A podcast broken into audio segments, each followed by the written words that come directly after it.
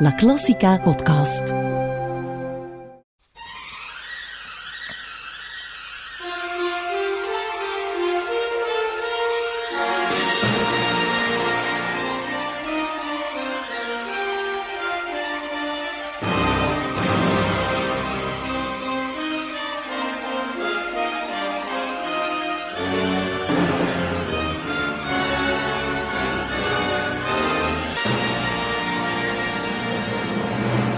Welkom bij de eerste aflevering van Prokofjev, een nieuwe podcast bij La Classica die helemaal in het teken staat van Sergei Prokofjev. Deze componist en pianist uit de 20e eeuw heeft veel overeenkomsten met leeftijdsgenoten zoals bijvoorbeeld Shostakovich, die net zoals Prokofjev soms problemen ondervond met het communistische regime. In de volgende weken volgen we Prokofjevs leven, zijn oeuvre en alle invloeden die hij op de een of andere manier heeft ondergaan. Maar laat ons beginnen bij een mooie gebeurtenis, namelijk de geboorte van Sergei Sergeyevich Prokofjev op 23 april 1891 in het voormalige Sontsovka. Sontsivka, zoals de gemeente nu heet, ligt in Donetsk in het oosten van Oekraïne. Zijn vader was een landbouwkundige en in dienst bij een lokale grootgrondbezitter. Zijn moeder Maria was een gecultiveerde vrouw die zoon Sergei zo ongeveer vanaf zijn geboorte blootstelde aan haar pianospel. Het moet bij de kleine in goede aarde gevallen zijn, want vanaf zijn zesde componeerde Sergei eigen stukjes. In 1909, Prokofjev was toen amper 18, creëerde hij zijn eerste werk in de Opus Catalogus, een pianosonate. Laten we even luisteren naar een uitvoering van dit korte werk met Stefan Gainsbourg aan de piano.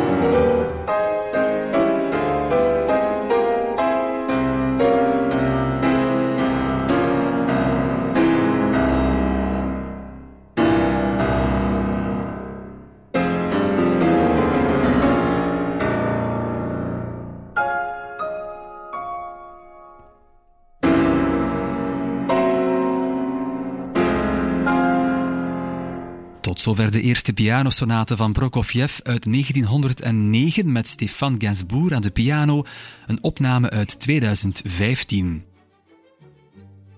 Tijdens zijn kindertijd hoorde Sergei een grote variatie van muziekstijlen, waaronder ook lokale volkliedjes. Een trip naar Moskou op achtjarige leeftijd maakte grote indruk. De schone slaapster die hij zag in de Grand Opera, als ook Faust en Prins Igor in het Solodovnikov Theater, inspireerde hem om zijn eerste eigen opera te schrijven. In juni van het jaar 1900 zag die opera het levenslicht en kreeg als titel De Reus. Het werk werd niet in een volle opera-partituur geschreven, maar wel in een pianoreductie. Het kreeg een privéopvoering in de zomer van 1901, toen hij met zijn ouders op bezoek was op het landgoed van Maria's schoonbroer en zus. Het was ook in die periode dat een andere opera, namelijk Desert Lights, het licht zag. In 1902 kwam er serieus beweging in de zaak toen hij via bekenden van zijn moeder werd geïntroduceerd bij Sergei Tanejev. Hij was op dat ogenblik de directeur van het conservatorium in Moskou. Tanejev was zeer onder de indruk na het horen van de ouverture van de opera Desert Islands. Hij stelde Pomerantsev voor als leraar harmonie. Een man die trouwens enkele jaren later dirigent werd bij de Moskou Grand Opera. Zeer tegen de zin van de kleine Prokofjev, want die wilde niet aan een leiband lopen, maar wel opera schrijven met marsen, stormen en bloedstollende scènes en al helemaal geen vervelende prutsoefeningetjes maken. Het zou helaas geen rustige tijd worden aan het conservatorium. Sergei Tanejev, de man die uiteindelijk een beslissende wending gaf aan het leven en het werk van Prokofjev, was zelf geen onverdienstelijk componist. In 1902, het jaar waarin Tanejev en Prokofjev elkaar voor het eerst ontmoetten, schreef deze al zijn vijfde strijkkwartet.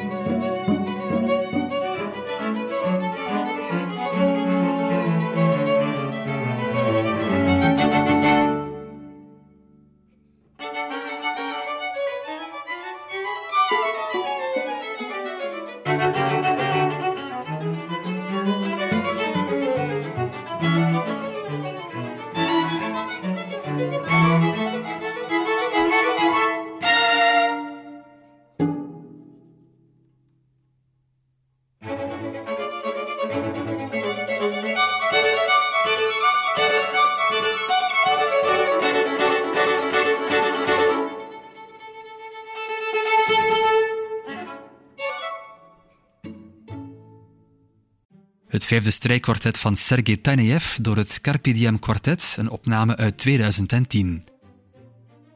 Nadat een eerste poging met Pomerantsev in een totaal fiasco eindigde, stelde Tanejev Alexander Goldenweiser voor als leraar. Die zag dat eigenlijk niet zitten, niet alleen vanwege de reputatie van Prokofjev, maar ook vanwege zijn erg lange lijst met studenten. Volgende slachtoffer werd dan maar de componist en pianist Reinhold Glier. Prokofjev en hij verbleven de hele zomer van 1902 samen en Prokofjev deed een eerste poging om een eigen symfonie te schrijven. Ook de zomer van 1903 brachten ze samen door. Dat ging iets beter, maar niet meer dan iets. In latere brieven uitte Prokofjev zich sympathiek tegenover leermeester Gliere. Hij voegde er wel aan toe dat hij hem basisstructuren had aangeleerd en traditionele moduleringen, dingen die hij naar eigen zeggen zichzelf later weer had moeten afleren. Het duurde niet lang voordat Prokofjev ging experimenteren met dissonante structuren. Dat schrijven van die eerste symfonie in 1902 kende trouwens geen echte voltooiing. Gliere daarentegen bracht twee jaar eerder wel zijn eerste symfonie uit. En dat werd de eerste symfonie opus 8 in S groot, hier uitgevoerd door het BBC Philharmonic onder leiding van Edward Downes.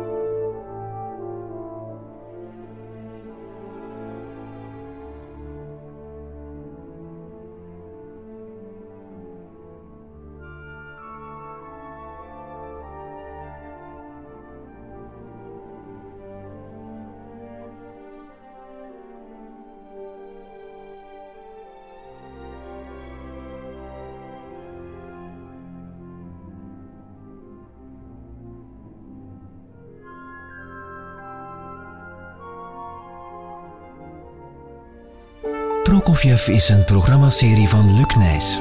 In een presentatie van Ivan Otegem en een productie van La Classica.